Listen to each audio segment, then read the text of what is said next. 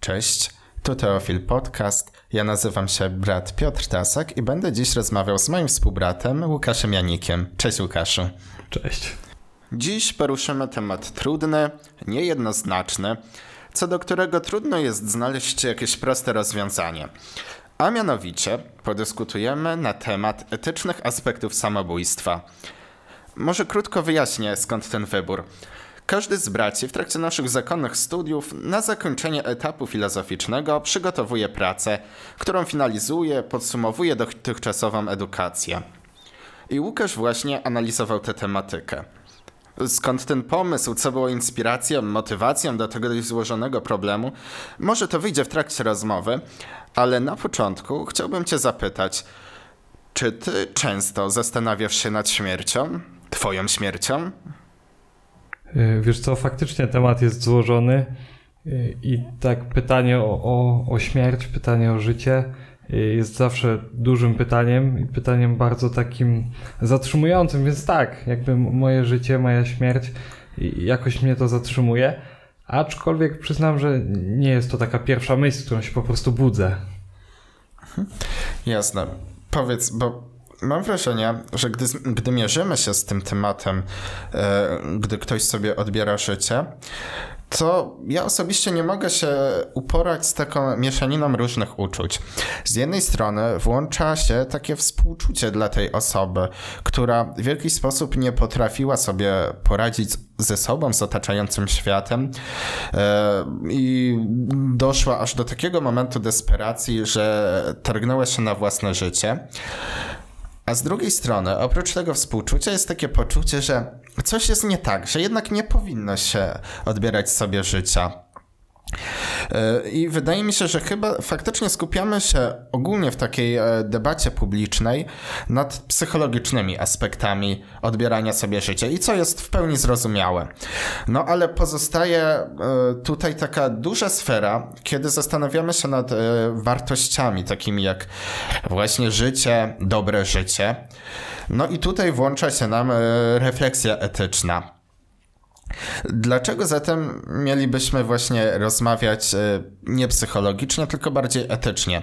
Czy warto się tym zajmować, czy lepiej zostawić tę sprawę psychologom?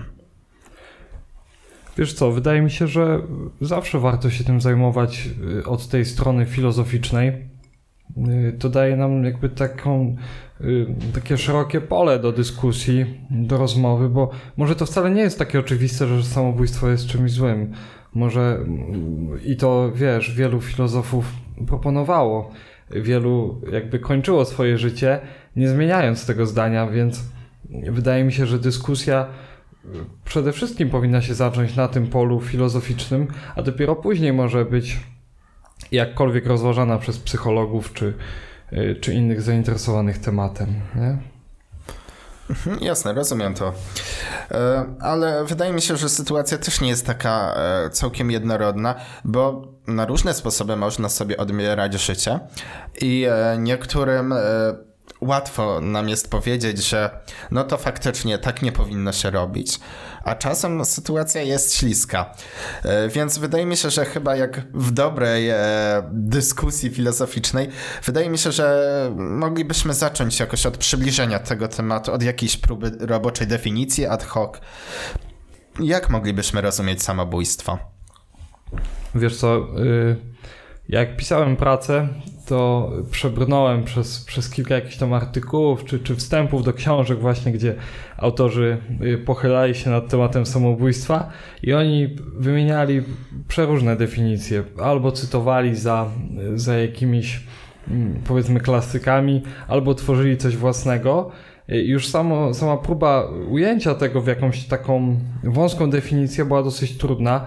No, na potrzebę y, swojej pracy, no i na potrzebę tej rozmowy przyjmijmy, że to będzie taki y, intencjonalny akt osoby świadomej wymierzony przeciwko własnemu życiu. Nie? Niech, niech tym będzie samobójstwo, o którym będziemy rozmawiać.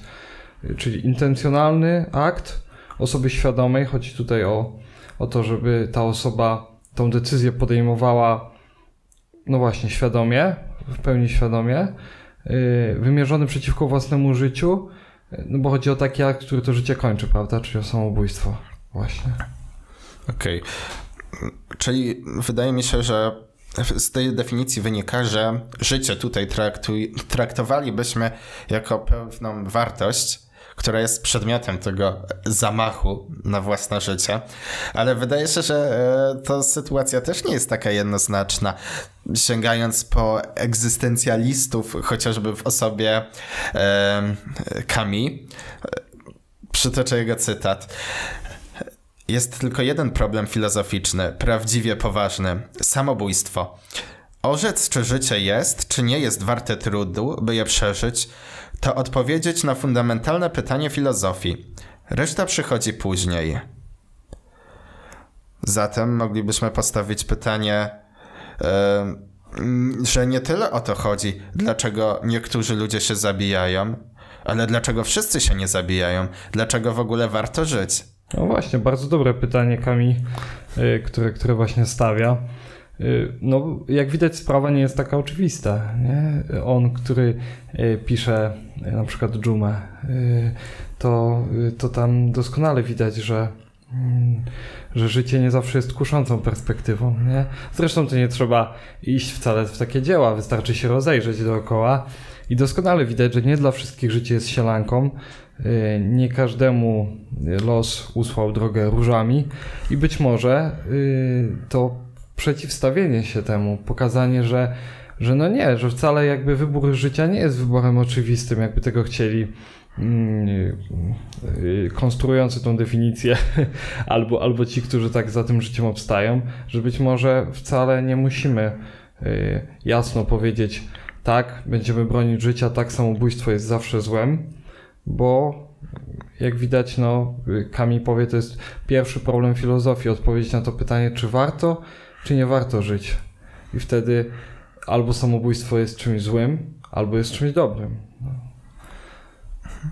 No, Kamil e, na pewno tutaj ma w pamięci doświadczenia XX wieku, który obfitował w różne sytuacje, które no, stawiały poważne pytanie na temat tego, czym jest ludzkie życie. Różne traumy XX wieku do, do tego na pewno się przyczyniły. Ale co ciekawe, Gdybyśmy się tak cofnęli do, do klasyków filozofii, e, napotkalibyśmy no, postacie, które również żyły w ciężkich czasach, e, kiedy e, życie ludzkie też szybko się zaczynało, szybko kończyło starożytność, średniowiecze, ale wtedy się e, konstruowały te takie właśnie klasyczne e, definicje samobójstwa, no i wtedy też kładziono wyraźny nacisk, no, że to jest jednak coś nie w porządku, że to jest coś złego odbierać sobie życie.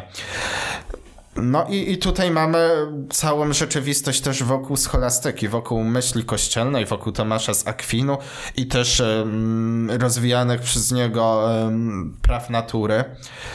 Co tutaj teologia powiedziałaby na ten temat w osobie naszego współbrata z XIII wieku? E, no, Tomasz oczywiście nie, nie godzi się na samobójstwo. E, wydaje się, że idzie e, po myśli Augustyna, który już tam w pierwszych wiekach chrześcijaństwa mówi dokładnie to samo. To znaczy, nie, nie możemy sobie odebrać życia. Życie należy do Boga. Życie nie jest naszą własnością. Jesteśmy tutaj na Ziemi w jakimś określonym celu, mamy jakieś określone zadanie. No i przede wszystkim to Bóg jest naszym Panem. Y, więc nasze wystąpienie mm, przeciwko temu, co otrzymaliśmy, nasze pozbawienie się życia byłoby wystąpieniem przeciwko Panu Bogu, a tego zrobić nie możemy. I to właśnie powie Tomasz, y, który przedstawi bodaj trzy argumenty y, za tym, żeby, bo on oczywiście rozwija myśl Augustyna, za tym, żeby bronić życia. I to jest ta myśl, która w zasadzie przez te pierwsze bodaj 1500-1600 lat prowadzi całą, całą tą myśl. Tam, tam się nikt temu nie przeciwstawia, tam samobójstwo jest zawsze złem. Y, no i wydaje mi się, że jest to bardzo mocno zakorzenione w chrześcijaństwie właśnie. Tak, to, tak ubierając to w słowa, yy, o ile dobrze pamiętam, to się odnosi do przykazania miłości, nie? I, I to wtedy są tutaj trzy miłości rozpatrywane. Miłość Boga, który jest tutaj rozumiany właśnie jako Pan życia i śmierci. E, jest to też miłość bliźniego, rozumiana trochę szerzej, e, człowieka jako część społeczeństwa. i e, uzasadniona miłość własna, słuszna miłość własna, która, którą człowiek również powinien realizować w jakiś sposób.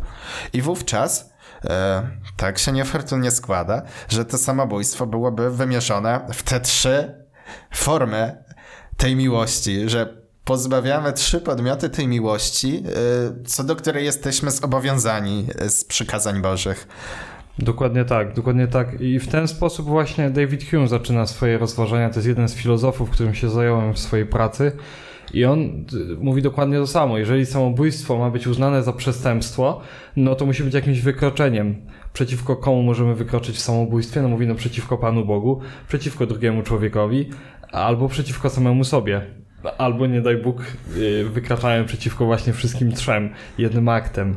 Y, I on faktycznie y, rozpoczynając swoją argumentację, przypomnę, to jest filozof, przypomnę, powiem, który no, pisze w XVIII wieku i mm, mamy tutaj, już jesteśmy długo po Tomaszu Zakwinu, a on jakby konstruując te swoje argumenty pokazuje, że, że to jest wciąż żywa argumentacja, że on przeciwko niej musi właśnie wystąpić i ją musi zakwestionować, jeżeli chce w ogóle dyskutować z samobójstwem i z jakąś jego zasadnością, czy, czy zasadnością samobójstwa, to jest źle powiedziane, ale, ale jeżeli chce w ogóle y, kontestować to y, prawo nasze do, mm, do, do zachowania życia.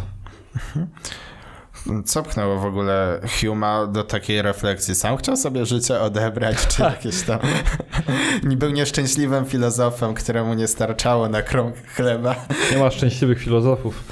Y, wiesz co, wydaje mi się, że polityka y, to, to nie były jakieś y, wielkie, wielkie myśli, czy, czy jakieś działanie przeciwko życiu, czy, czy przeciwko Panu Bogu, on buntował się przeciwko koronie brytyjskiej, był Szkot. E, korony nie lubił e, i wówczas w Brytanii, na wyspach panowało takie prawo, że wobec samobójców mm, wymierzano karę. Znaczy tam było tak, że mm, samobójca musiał Bah, nie samobójca. Samobójca nie mógł, ale, ale samobójca był karany pośmiertnie, e, czyli zabierano jego majątek. Nonsensownie. To prawda? Dlatego to się ciężko konstruuje w ogóle, ale, ale faktycznie yy, zagarniano majątek. Po prostu koronie chyba chodziło o pieniądze. Yy, no a Hume yy, postanowił się temu przeciwstawić i napisał taki króciutki esej o samobójstwie. Co ciekawe, ten esej od razu się nie ukazał. To też pokazuje, jak bardzo był to wtedy kontrowersyjny temat. Że dzisiaj to sobie tak możemy mówić o tym samobójstwie, bo już zrobiono nam pod to podwaliny. Mamy porządny grunt, y, mamy filozofów, którzy powiedzieli jasne, pewnie można się zabić, mamy takich, którzy powiedzieli nie, nie wolno, no i możemy ich sobie tam zestawiać i parować i patrzeć, co to nam wychodzi. A y, no Hume nie miał tak łatwo. On jakby był jednym z tych pierwszych, którzy powiedzieli no hola hola, y, święty Tomaszu, hola hola Augustynie, nie? Jakby wydaje mi się, że wasze argumenty są tutaj nie na miejscu i ja wam udowodnię, że one są nie na miejscu. No i jak to robi? Podobno Hume gdzieś twierdzi, że Biblia zezwala na samobójstwo. Czy znalazłeś może ten fragment? No to jest ciekawe, on faktycznie pisze coś takiego w tym swoim, y, no, krótkim eseju. Y, I szukałem, przyznam szczerze, że nie znalazłem. Biblia mm, podaje bodaj cztery przykłady samobójstwa. Wszystkie cztery, y, najbardziej znane oczywiście Judasz, są yy, potępione, ale wydaje się, że na przykład yy, święty Paweł, kiedy pisze pragnę, pragnę umrzeć, żeby być z Chrystusem, ale, ale pożytecznym jest dla was, żebym z wami został, no że jakoś tak sygnalizuje, że no jest coś lepszego od życia, nie? że gdzieś tam w niebie, w przy, przy Bogu, będzie mu lepiej. Y, I że jedyne, co go zatrzymuje na ziemi, to jest y, to, że jest jakiś pożytek z tego jego pobytu tutaj. Y, co by oznaczało jakąś taką, no chyba zgodę na to, że, że jest jakieś lepsze życie i że można by je zakończyć. O, chociaż Pawła chyba nie posądzałbym e, o myśli samobójcze, ale może faktycznie jako taki e, dobitny sposób pokazania, że są wartości większe niż życie, no to chyba już prędzej. Coś takiego mam na myśli. No Hume nie podaje tego, tego przykładu, przynajmniej nigdzie nie znalazłem, żeby on się odwoływał właśnie do Pawła, ale jakby mnie to zatrzymało, jak tak prze, przeczesywałem Pismo Święte na szybko, żeby no, wynaleźć, co on ma na myśli, bo on sam nie zostawia żadnych sigli, nie, nie sugeruje nam, gdzie tu szukać tego poparcia dla samobójstwa yy, w Piśmie Świętym. Mm, więc no, poszukiwałem, poszukiwałem, nie znalazłem, no, ale tutaj skoro Paweł nam mówi, no pragnę umrzeć, żeby być z Chrystusem, czy jakoś tak, bo pewnie parafrazuję trochę, a, ale mówi, no, no, że odwołuje się do tego życia już yy, pozaziemskiego, i mówi, że, że tego właśnie pragnie, że do tego dąży, no to co stoi na przeszkodzie, żeby, żeby się tam przenieść, żeby przyspieszyć spotkanie z Panem Bogiem. No właśnie. Jaka tu jest wobec tego rola Boga? E, tradycyjna nauka mówi, że nie można mi siebie zabić, no ale jakbym chciał to zrobić, właśnie żeby być bliżej Boga, to jednocześnie Bóg mi tego zabrania, czyli chce, żebym był od Niego dalej, Jaka jest tutaj relacja między tym e, osobą, która planuje, myśli o samobójstwie, a Bogiem? Jaka jest rola Boga tutaj w tym systemie? Jak sobie Hume z tym radzi? A no właśnie, dobrze, że pytasz, jak, jak Hume sobie z tym radzi, bo, bo faktycznie normalnie to musiałbym zupełnie innej odpowiedzi udzielać. E, no Hume e, przedstawia tą argumentację, powiedzmy argumentację z Pana Boga, z powinności wobec Pana Boga i wykazuje jej niezasadność, y, powołując się na, y, na tego Pana Boga właśnie. To znaczy, mówi, no dobrze, no to Bóg stworzył świat, Bóg stworzył człowieka i wy mówicie, że człowiek, który się zabija, wkracza w ten Boży plan, to znaczy podnosi na niego rękę i jakoś burzy Boży plan. No i co prawda on na samym końcu to pisze, ale mnie to tak najbardziej uderzyło, jak on mówi, no to jest jakieś bluźnierstwo. No i w jaki sposób człowiek, mała istota, może wy, wykroczyć przeciwko tak wielkiemu władcy, jakim jest Bóg? Przecież to jest niemożliwe, żeby człowiek był w stanie jakkolwiek się Panu Bogu przeciwstawić. Że jeżeli Pan Bóg już coś zaplanował, no to my jesteśmy w tym planie i raczej no tym małym paluszkiem, no jak kiwniemy, to, to nic wielkiego się w tym wielkim Bożym planie nie stanie. E, ale e, podaję też takie bardziej powiedzmy przyziemne argumenty, w których wykazuje, że no na przykład y, człowiek może ingerować w przyrodę. Prawda? Oczywiście, jak najbardziej. No, regulujemy rzeki, e, no, osuszamy tereny, przesuwamy morze, mnóstwo rzeczy robimy, łamiemy te prawa przyrody. Dokładnie. Pan Bóg stworzył y, rzekę, która płynie tak a tak, no nam się to nie podoba, więc ją sobie regulujemy, przesuwamy gdzieś, bo chcemy sobie miasto osadzić, no i on mówi, no dobrze, to skoro możemy przesunąć rzekę i to nie jest ingerencja w Boży plan, to dlaczego nie możemy zatrzymać biegu na przykład krwi w naszym organizmie? Że mówi, no jakby jaka tu jest różnica, gdzie, gdzie tu jest problem? Nie? Hume jakby zdaje się tego nie widzieć. Albo y, widzi, ale stara się wykazać właśnie taki absurd tej argumentacji Tomasza. To chyba musielibyśmy powiedzieć wówczas, że no bo przesuwamy te rzeki, mm, zmieniamy, może nie zmieniamy, ale naginamy prawa natury, buntujemy się przeciwko nim, żeby osiągnąć jakiś pożytek dla nas, żeby zrobić coś, bo coś innego nam się przyda. No to wówczas chyba tutaj musielibyśmy potraktować brak naszego życia za jakiś pożytek.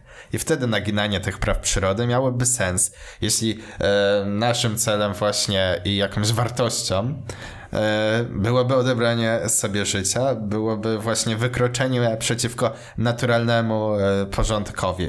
No to by kolidowało chyba z tradycyjnym e, ujęciem wartości, no chyba, że jest jakoś inaczej. Nie wiem, tak myślę na szybko. Wiesz co, y, kolidowałoby wtedy, kiedy faktycznie uznać życie za wartość. A co w momencie, kiedy życie przestaje być właśnie tą wartością, kiedy y, no, wróćmy do tego przykładu rzeki. Kiedy ta rzeka nam zalewa miasto raz za razem i dlatego ją przekierujemy, żeby nie czyniła szkody y, już temu, co, cośmy tu pobudowali. Tak samo można by popatrzeć na życie. Jeżeli życie jest piękne, no to faktycznie jakoś tak nie bardzo nam je y, kończyć. Ale jeżeli to życie nie różami, ale właśnie bólem jest usłane, cierpieniem, jeżeli doświadczamy realnego bólu i cierpienia, to y, to jest właśnie jak ta rzeka, która niszczy, nie? Że dlaczego by nie, nie zakończyć tego? Bo, bo może właśnie wtedy to ma wartość, nie? Okej. Okay. A tak patrząc na to jeszcze z innej perspektywy. E, jest Boży plan, są prawa natury, według których powinniśmy postępować. Dobrze, powiedzmy, e, nieuprawnione jest dążenie do utraty życia, do śmierci. Ale to równie e, tak samo powinno być nieuprawnione dążenie do jego zachowania też się jakoś sprzeciwiamy e, prawom stworzyciela, ponieważ mogą się zdarzyć takie sytuacje, e, kiedy dzieje się coś naturalnego, no na przykład zalewa nas to rzeka, jak w tym kawale, co e, akcja ratownicza próbowała uratować e, jakiegoś samotnego rozbitka z dachu zalanego domu, e, ale on wierzył, że Bóg go uratuje i w końcu zginął. E, znany dowcip, ale pokazuje coś takiego, no że tutaj też chyba jakoś e, ta sytuacja między nami, stwórcą, a tym zagrożeniem nie była taka oczywista i nie argumentowała jednoznacznie przeciwko samobójstwu. A, dokładnie. Y, weźmy taki przykład, że mm, idziemy ulicą i spada cegłówka i my się przed tą cegłówką uchylamy, ocaliliśmy nasze życie. To jest takie klasyczne oszukać przeznaczenie, prawda? Że yy, właśnie, my nawet, zobacz, mówimy, nie? To jest e, ten zwrot, oszukać przeznaczenie. Tak jakby naszym przeznaczeniem było to, że coś na nas spadało, że coś zagrażało naszemu życiu. No myślę, że każdy z nas jakby się tak chwilę zastanowił, to by sobie przypomniał chociaż jeden moment w swoim życiu, kiedy właśnie tak minął się ze śmiercią, albo przynajmniej z jakimś poważnym uszczerbkiem na zdrowiu. Kiedy właśnie tak uchyliliśmy się przed tą, y, powiedzmy, przysłowiową już cegłówką. Y, więc jeżeli, no i Hume to, to faktycznie wyciąga tutaj, mówi, jeżeli wolno ci uchylić się przed cegłówką, która leci z dachu, a nie wolno ci zrzucić na siebie tej cegłówki, no to o co tu chodzi? No, ja mu się to nie zgadza. Mówi, że jeżeli dlaczego nie mogę spaść na własny miecz, nie? Jakby dlaczego sam sobie nie mogę zadać śmierci, skoro wolno mi tej śmierci uniknąć, nie? On jakby nie, nie konstruuje tutaj argumentu, bo czujemy, że ten argument by się jakby nie obronił, nie? Ale on odpycha argument Tomasza, mówi, że y, to, to jest po prostu niezasadne mówienie, że my wykraczamy przeciwko pla, planom opatrzności, jeżeli odbieramy sobie życie, ale równocześnie nie, nie ma tutaj problemu, jeśli my Y, jak, jakoś uchylamy się przed tym, co nam ta opatrzność powiedzmy zsyła symbolicznie z góry w postaci cegłówki. Okej, okay, rozumiem, ale jeszcze ciągle myślę o tym świętym Pawle i o tym e, pragnieniu śmierci, żeby się zbliżyć do Boga. No i mamy przecież przypadki e, liczne z pierwszych wieków chrześcijaństwa, kiedy no, mnóstwo ludzi dobrowolnie przyjmowało śmierć z zewnątrz, Czyli dość podobna sytuacja e, jak ta cegłówka spadająca mi na głowę. E, chociaż wiadomo, tutaj wprowadzamy pewien czynnik wartości, że to jednak oddajemy życie na świadectwo Panu Bogu, e, ale tak okiem etyka, jak to wygląda sytuacja? Ponieważ tak i tak tracimy jak, jakość życia, czyli ta intencja tutaj by decydującą rolę odgrywała i trochę sprzeciwiałaby się temu takiemu zero-jedynkowemu patrzeniu, um, kiedy to śmierć przychodzi do nas z zewnątrz. No właśnie, y, wydaje się, że to jest takim głównym y, problemem, główną osią sporu.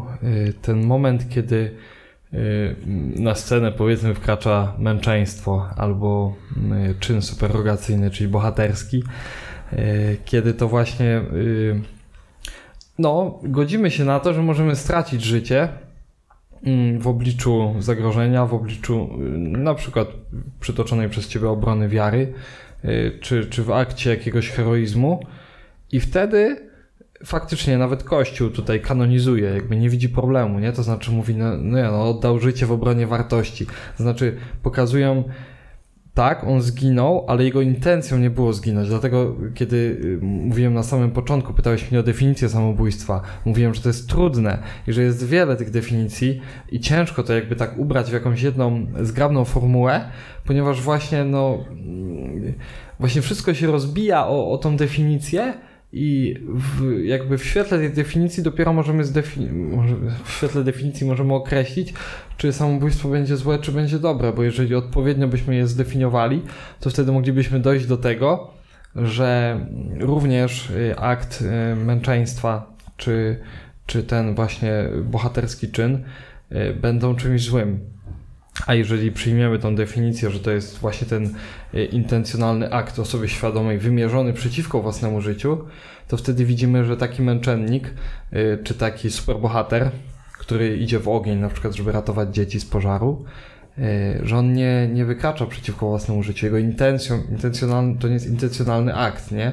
Jego intencją jest ocalić życie, obronić wartości, jakby stanąć w obronie prawdy, e, a to, że konsekwencją tego jest utrata życia, no tak jest, ale to on nie, nie, to nie jest zamach na życie, to jest e, stanięcie w obronie życia właśnie. Tutaj, o ile się nie mylę, chyba Bergson pisał o czymś takim, e, że właśnie takie te postawy bohaterskie, taki moral superbohater, e, to są takie postawy, które trochę rozszerzają nasz, nasz system etyczny, e, rozszerzają naszą moralność, bo jeśli skupilibyśmy się na tym, co mamy wewnątrz systemu, to w zasadzie nasza moralność, nasze reguły, jak powinniśmy postępować, trochę stałyby w miejscu. A jeśli pojawiają się takie jednostki, które chcą zrobić coś więcej, coś czego nie muszą robić, mogą, robią to ze względu na coś, co jest dla nich ważne, no i w ten sposób nasza moralność się rozwija, idzie do przodu, robi się ambitniejsza. No wystarczy tu przytoczyć, e, no nie wiem, Sokratesa, ale też no, Jezus, Buddha, e, Gandhi z ostatnich czasów. E, to są takie postacie, które przekraczają w jakiś sposób to, co jest, co jest konieczne, a, w ten spo- a, a przez to pokazują innym, y, gdzie można iść, jak można przekraczać siebie, jak być ambitniejszym człowiekiem.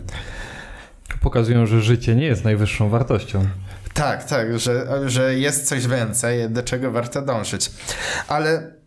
Ale to generuje sporo problemów, bo kolejnym, y, jakby tak, tym wykroczeniem, tam wymienialiśmy na początku, E, że można wykroczyć przeciwko Panu Bogu, przeciwko samemu sobie albo przeciwko bliźniemu.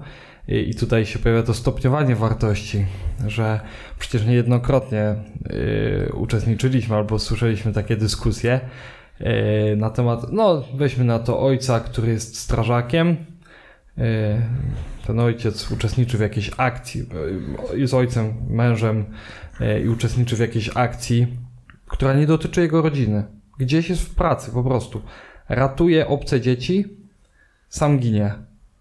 No i tutaj możemy powiedzieć, dobrze, stanął w obronie życia, bronił życia, a równocześnie pozbawił swoją żonę męża, swoich dzieci ojca. No to... No właśnie, czy warto płacić taką cenę no, za równie ważne rzeczy, za równie wysokie wartości za życie innych ludzi? No to jest e, istotne pytanie w tym miejscu. Paweł mówi, co mam wybrać, nie umiem powiedzieć. Oczywiście, więc to jest właśnie prawdziwy dylemat i, i, i paradoks, ale z tych paradoksów rozwija się moralność. Ale tak patrząc na męczenników, ale też innych właśnie moralnych superbohaterów,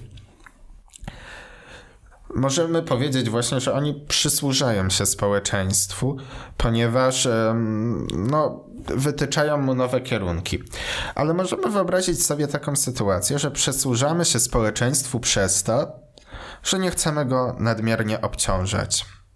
Nasze życie jest podłe, e, my jesteśmy zdesperowani, więc zapisujemy się do takiej straży Albo też y, zapisujemy się do takiej straży. Po, będę kontynuował ten przykład, nie wrócę. Jasne. E, później wrócę do czegoś innego. Po to tylko, żeby upiec dwie pieczenie na, jednej, na jednym ogniu. Dokonamy jakiegoś super bohaterskiego czynu. Uratujemy kogoś, przysłużymy się społeczeństwu, tracąc własne życie. Czyli e, jednocześnie no, też pewną wartość położymy na szali. Społeczeństwo nas doceni, ale my, przekonani o podłości naszego życia, tak naprawdę w ten sposób dokonamy samobójstwa. To jest samobójstwo nie, czy superbohaterstwo? No, jeżeli weźmiemy tę definicję, którą podaliśmy na początku, no będzie to samobójstwo, bo to było tak, że intencją tego powiedzmy strażaka było to, żeby jednak życie zakończyć, a to, że on wybrał taką metodę, po prostu najdłuższa droga z możliwych, zamiast, o, zamiast, się źle mówi, ale yy, no są dużo prostsze metody, żeby sobie, żeby to życie zakończyć. On być może nie miał na to odwagi, yy, być może nie chciał w ten sposób, wolał być dobrze zapamiętany. Yy, wybrał metodę, drogę, ścieżkę bardzo długą, został tym strażakiem, skoczył w ten ogień, jakkolwiek zakończył swoje życie z własnej intencji. Nie? Jakby jego intencją była strata życia, a nie ochrona życia. Więc no niestety potępiamy. Okej, okay. to kolejni do potępienia.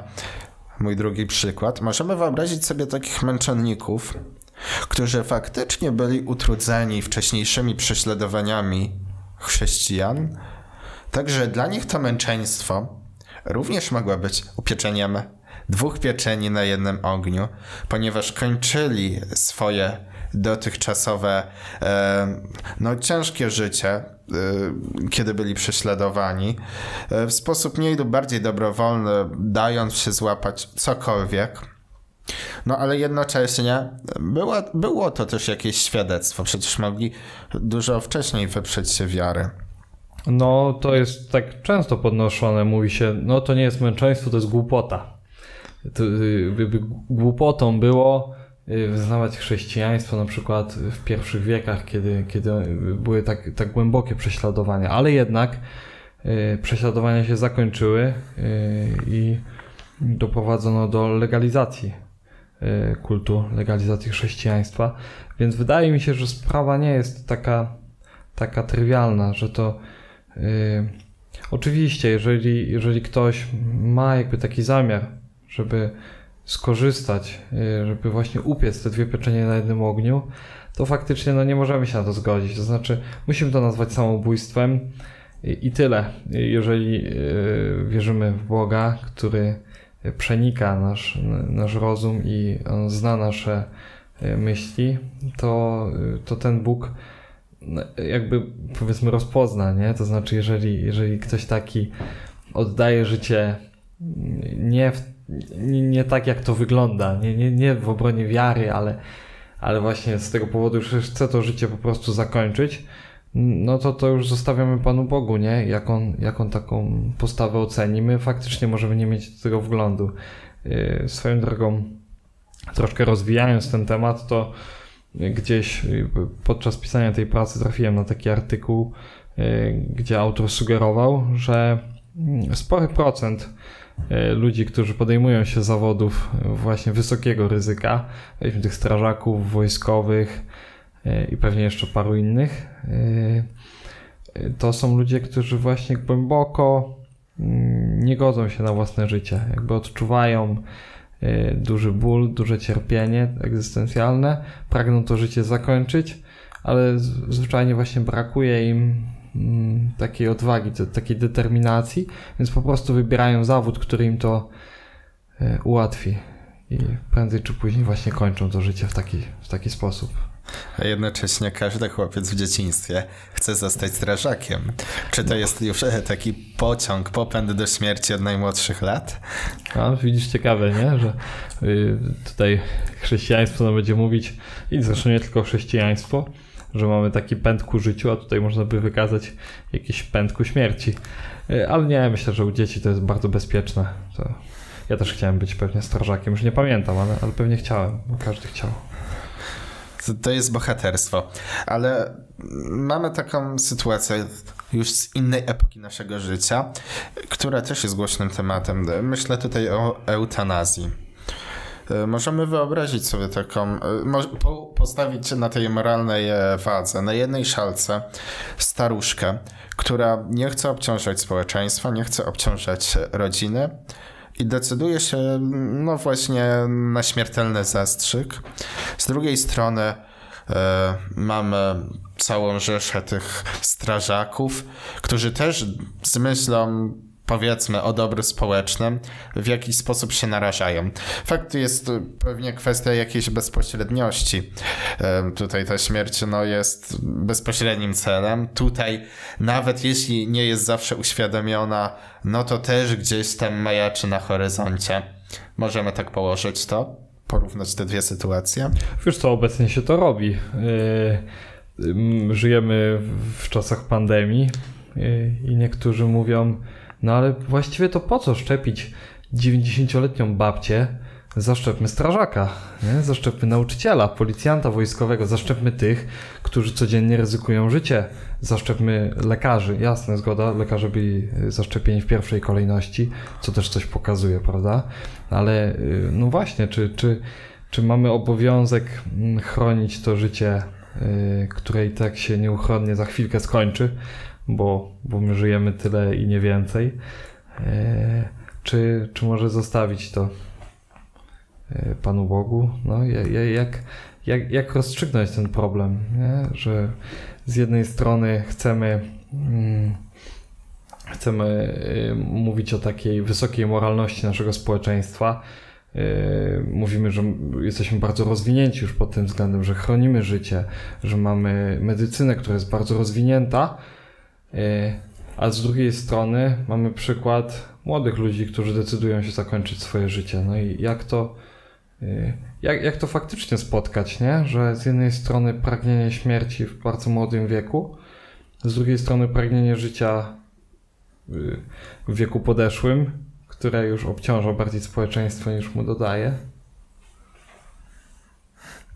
No, to są pytania, które e, rzucają jednak wezwania takiemu społecznemu ujęciu problemu samobójstwa. Też jeszcze jeden przypadek mi przychodzi do głowy, e, ponieważ e, gdy byłem mały, bardzo lubiłem serial Czas Honoru i tam pojawiał się ten problem żołnierzy, którzy złapani, torturowani przez gestapo, mierzyli się z tym dylematem, czy połknąć pigułkę z cyjankiem ukrytą pod zębem, e, żeby nie dopuścić do tego, do wyjawienia sekretu o konspiracji, czy nie? Czy znieść to cierpienie, czy, czy, czy jakoś je zakończyć, nie narażając siebie? Przecież nie jesteśmy w stanie powiedzieć, e, dać gwarancji, że nie zdradzimy ludzi, którzy być może też zostaliby zabici albo torturowani. E, no i pojawia się problem, czy przypiszemy wtedy takiemu torturowanemu żołnierzowi, który mierzy się z e, dylematem połknąć czy nie połknąć, taką samą moralną odpowiedzialność jak tym, którzy go torturują? Kto tu jest zbrodniarzem, kto tu jest bohaterem? To się bardzo tutaj miesza. Właśnie, jakby wyjąć z kontekstu i pokazać po prostu człowieka, który połyka truciznę i odbiera sobie życie, no to powiem, nie no, samobójca. Ale jak opisać już to bardzo dobrze i pokazać, że nie, no on broni tutaj tajemnicy, to jest żołnierz schwytany przez wrogie jednostki, to powiem, nie, no to bardzo dobrze się zachował, obronił ludzi. Więc sam widzisz, że problem jest bardzo złożony, tak jak, tak jak mówisz. I, i, i nie jest to takie mm, zaraz takie proste, że jest ta powinność wobec społeczeństwa, która każe nam żyć po to, żeby spełniać obowiązki wobec społeczeństwa, być ojcem, być y, mężem, pracować, wnosić do społeczeństwa swoją pracę, wnosić jakby siebie, a z drugiej strony to samo społeczeństwo, które rości sobie pretensje do tego, żeby decydować o naszym życiu i mówić nam, nie no, ty powinieneś żyć, jesteś młody, pracuj, jakby jesteś potrzebny, zaciągasz dług wobec społeczeństwa swoim życiem, to samo społeczeństwo mogłoby nam powiedzieć w takim momencie, y, kiedy jesteśmy żołnierzem schwytanym y, podczas wojny, nie no, to teraz to powinieneś zakończyć swoje życie. Teraz to jest, to jest inna sytuacja. Więc jakby widać tutaj, że w pewnym momencie te wartości napotykają na taki konflikt, że być może to jedno życie jest mniej ważne od, od wielu żyć. Nie? To jest y, utylitaryzm, tak? Oczywiście. E, no, jawna postać mierzenia naszego zachowania pod kątem konsekwencji, e, jakie przyniesie dane zachowanie. No i wydaje mi się, że jest taki jeszcze jeden znany filozof, który zrobił wszystko, by ochronić moralność przed takim mierzeniem y, zachowań, czy przyniosą więcej korzyści, czy nie. Mam tu na myśli oczywiście Immanuela Kanta. Jest to gorący obrońca. Chyba powiedziałbym, że tego trzeciego warunku y, niepopełniania samobójstwa z miłości własnej, bo to jednak sprowadza e, wszystko do tej godności, wartości autonomicznej jednostki. Tak. No Kant pojawia się zaraz po e, naszym szkockim przedstawicielu tutaj, który będzie nam mówił, że wolno, wolno sobie to życie odebrać, bo tak Hume zasadniczo kończy swoje rozważania. On, e, on według siebie dochodzi do tego, że życie można sobie odebrać. Ale jest to taka metoda no, zgiętego kija. Znaczy on, on y, żeby, żeby ten kij wyprostować, to odgina go maksymalnie w drugą stronę, czyli bierze wszystkie argumenty Tomasza y, i w ogóle wszystkie argumenty, które zostawiła mu tradycja, wygina to w drugą stronę i pokazuje no widzicie? Y, no i Kant mówi, no nie widzimy. To znaczy, to nie jest takie oczywiste.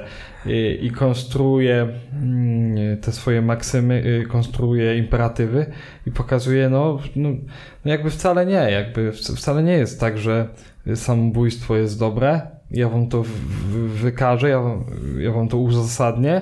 I Kant y, jest troszkę powiedzmy bardziej rozważny i on nie bierze tutaj pisma Hume'a i nie mówi, no tu się myli, tu się myli, tu się myli, tak jak zrobił to Hume wobec y, Tomasza, tylko on konstruuje własną y, teorię etyczną i, i na jej y, kanwie próbuje wykazać, że życie jest wartością, przeciwko której wystąpić nie można. I teraz jakie jest twoje pytanie? No, to jest e, dla mnie zawsze problematyczne odnośnie Kanta. Niewątpliwie on należy do grona tych filozofów, e, co do których, żeby zrozumieć jakąś jedną jego myśl, trzeba najpierw poświęcić dziesiątki lat, żeby zrozumieć jego system. E, no i trochę nie wyobrażam sobie, jak, jakby to miało wyglądać w praktyce. Stoi sobie człowiek na krawędzi wieżowca, tak mu życie zbrzydło, że za chwilę skoczy, ale gdzieś tam z tyłu za chwilę pojawia się e, filozof z królewca i szepcze mu tam na ucho, nie skacz, nie skacz, bo nie wolno ci postępować takiej, według takiej maksymy, co do której e, nie mógłbyś chcieć, by stała się powszechnym prawem. Wydaje mi się, że ja na miejscu tego desperata pożegnałbym Kanta i cały ten piękny świat kilkoma brzydkimi słowami. No, zgadza się. To jest, y, jak, jak pisałem tą pracę, to trafiłem na taki opis samego Kanta, że, że niewątpliwie jego, y, jego, jego twórczość prześladuje takie pytanie o to, jak, jak w ogóle moralność jest możliwa, skoro jesteśmy jakimiś takimi ciepłymi grudkami materii w newtonowskim y, świecie doświadczeń. Nie? Y, a jednak y, tworzy tą swoją etykę moralności, etykę odpowiedzialności i mówi, no tak, taki człowiek zada sobie to pytanie. Być może już nie stojąc tam na samej górze, ale, ale on zada sobie to pytanie o, o odpowiedzialność o, i udzieli sobie tej jedynej słusznej odpowiedzi, to znaczy, no nie mogę jakby nie mogę używać swojego życia przedmiotowo, yy, tylko jako, jako środka do osiągnięcia mojego celu. Yy, I nie mogę też użyć swojego życia po to, by, by je zakończyć. Nie, nie, nie, mogę zakończyć swojego życia, jeśli nie będę chciał, żeby yy, ten akt stał się powszechnym prawem. Nie? To jest ta jego pierwsza Pierwsza maksyma. Pierwszy wydaje tak. mi się, że e, z psychologicznego punktu widzenia, może z filozoficznego ok, ale z psychologicznego chyba jednak ta druga formuła imperatywu, która mówi właśnie, która jednak bardziej po ludzku podchodzi do człowieka, że no, godności człowieczeństwa we mnie nie powinienem nigdy traktować wyłącznie jako środka do celu to chyba jest przyjemniejsze. Wiesz co, na pewno bardziej użyteczne, bo, bo z pierwszego imperatywu to można równie dobrze dowodzić y, tego, że warto sobie życie odebrać. I to byłby chociaż podany ten przykład y, tego, tego żołnierza schwytanego w niewolę. Bo jeżeli mm, przytoczę jeszcze raz ten ten pierwszy imperatyw postępuj tylko według takiej maksymy, dzięki której możesz zarazem chcieć, żeby stała się powszechnym prawem. No i teraz wszystko zależy od tego, jaką maksymę skonstruujemy. Jeśli ta maksyma będzie brzmiała na przykład, y, no, brzmiała, nie, bo teraz nie będę jej konstruował tak na bieżąco, ale, ale powiedzmy, że będzie zawierała w sobie jakieś, y, jakieś cierpienie albo przedstawimy w niej człowieka, który właśnie broni tutaj tajemnicy, on wie, gdzie, gdzie są ukryci ludzie y, podczas wojny i żeby tego nie wydać, to czy taki człowiek y, powinien się zabić. No i ustaliliśmy już, że społeczeństwo powinien, no jasne, powinien, więc y, no, wydaje się, że ten pierwszy imperatyw raczej, raczej przysłużyłby się Y, temu, żeby czasem mm, stanąć po stronie samobójstwa, a tego Kant nie chce. No i dlatego konstruuje właśnie ten drugi. Okej, okay, to dopytam tutaj. Mhm. Czyli, jeśli dobrze rozumiem, maksyma to jest y, takie moje prywatne prawo, czyli taka reguła, według której ja postępuję. Czyli mogę powiedzieć, mogę skonstruować sobie taką maksymę, że zawsze, kiedy moje życie będzie nieodwołalnie i niezaprzeczalnie złe, ponieważ e, będę się mierzył z bólem, trudnościami przekraczającymi moje możliwości, e, to wolno mi odebrać sobie życie. I wydaje się, że z tej perspektywy łatwiej to rozciągnąć na całą rzeczywistość. E, w sensie łatwiej powiedzieć, że no faktycznie jeśli są takie warunki, no to to może być powszechnym prawem, wszyscy mogą się tak zachowywać. Bo to nie zdarza się aż tak często. O właśnie, to jest chyba kluczowe tutaj, że yy, możemy wykazać, że to faktycznie nie zdarza się aż tak często, że to nie jest tak, że każdy nagle będzie sobie odbierał życie, bo każdy ma nieznośne to życie. Kant, zresztą nie tylko Kant, to y, generalnie to filozofów będzie prześladować i oni będą się podpierać tą myślą, że to jest czyn samobójczy jest, jest czynem popełnianym w naprawdę takiej sytuacji wielkiej rozpaczy, wielkiej nędzy człowieka. I to nie jest tak, że każdy po prostu, jak jeden mąż ma, ma myśli samobójcze i każdy chce sobie to życie odebrać, bo, bo to naprawdę jest sytuacja skrajna, skrajnego wyczerpania życiem. I to nie jest tak, że nagle będzie to, jak będzie to według, według tej maks maksymy, jakby ją tam dobrze skonstruować, to nagle całe społeczeństwo odbierze sobie życie i po prostu gatunek zginie. No, no, no nie jest tak. Hmm. Powiedz szczerze, przekonują cię te imperatywy kantowskie? Wiesz co, niespecjalnie. Ten pierwszy, no tak jak powiedziałem, moim zdaniem on się po, po prostu nie broni. To znaczy, to nie jest zawsze tak, że, yy, że będziemy musieli bronić życia. Czasem, czasem dojdziemy do tego rozdźwięku, e, właśnie jak w tym przykładzie z, z wojskowym, z żołnierzem schwytanym e, przez obce siły. A w drugim przypadku, no, Kant nam tutaj mówi, człowieczeństwo jest najważniejsze, człowiek jest najważniejszy, człowiek jest celem samym w sobie, dlatego tego człowieczeństwa nie można zakończyć. No ale jest to taka trudna argumentacja, bo, bo na, czym, na, na, czym jest osadzona ta moralność, na czym jest osadzona ta wartość człowieka? Wartość człowieka jest u Kanta osadzona na wartości człowieka, to znaczy on powie, że, oczywiście troszkę upraszczam, ale, ale on nie powie jak Tomasz, że wartość człowieka jest w tym, że jesteśmy stworzeni na obraz i podobieństwo Boga. Tak powie Pismo Święte, tak powie, ta, cała ta, ta, ta tradycja będzie się do tego odwoływać. wartość, ta wartość człowieka zawsze była na czymś osadzana i z tego wynikało to, że nie mogliśmy tego życia zakończyć.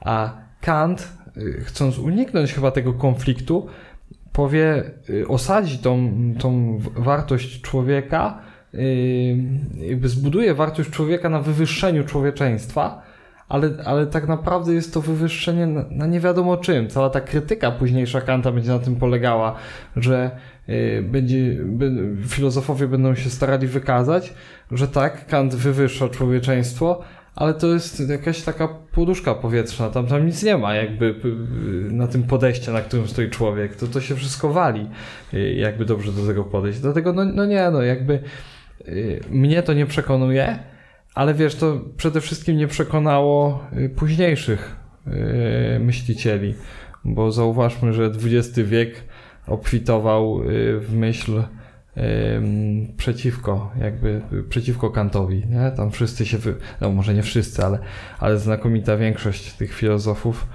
y, wypowiedziała się y, za możliwością samobójstwa, to znaczy mieli pisma Kanta, powiedzieli no, no nie, jakby nie przekonuje nas to, my mówimy tak i bardzo głośno to mówili, więc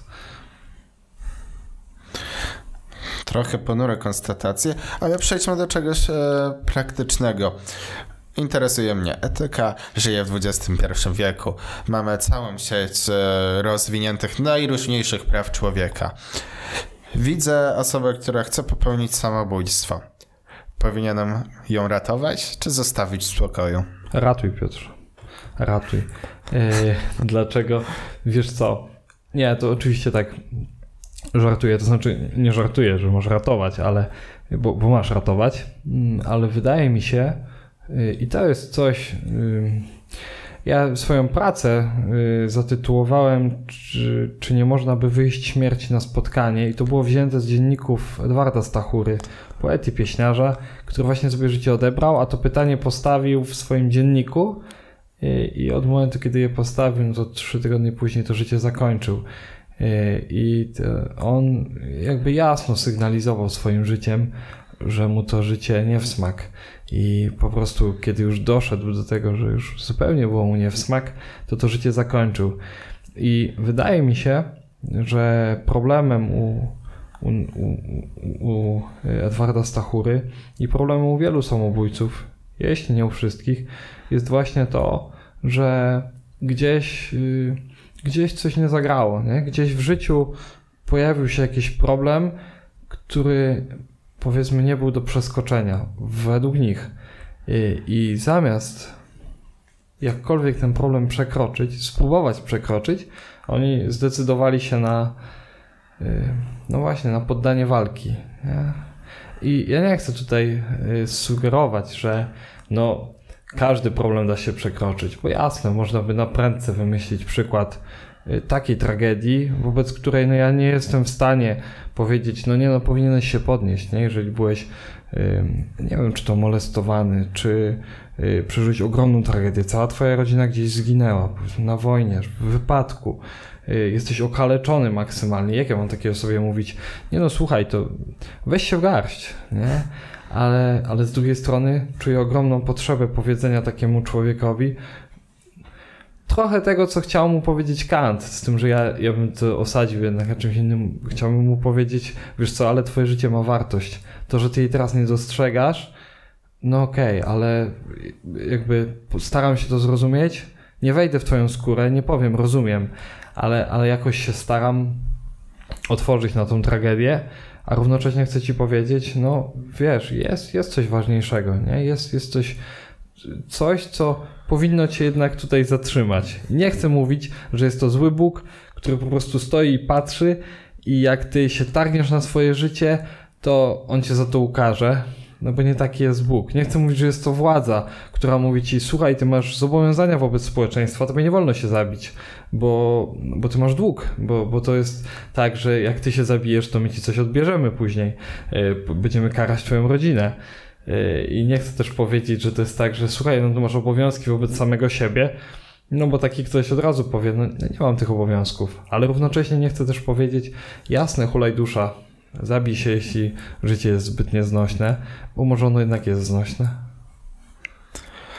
Jak w porządnej etyce mamy tu na koniec więcej pytań niż odpowiedzi. No to jest ciekawy temat niewątpliwy, ponieważ ym, otwiera, pokazuje, naświetla nam te najbardziej zapalne punkty dotyczące życia, śmierci, wolności, determinizmu, też funkcji społeczeństwa, ale też no, bardziej takich praktycznych wymiarów właśnie jak to moralne superbohaterstwo, y, jak y, problemy eutanazji, więc no pod znakiem zapytania chyba możemy zakończyć ten problem samobójstwa. Ja Ci dziękuję, Łukaszu, za rozmowę. Dziękuję bardzo. A Wam wszystkim, którzy nas słuchaliście, dziękuję za uwagę i do usłyszenia następnym razem. Cześć, z Bogiem.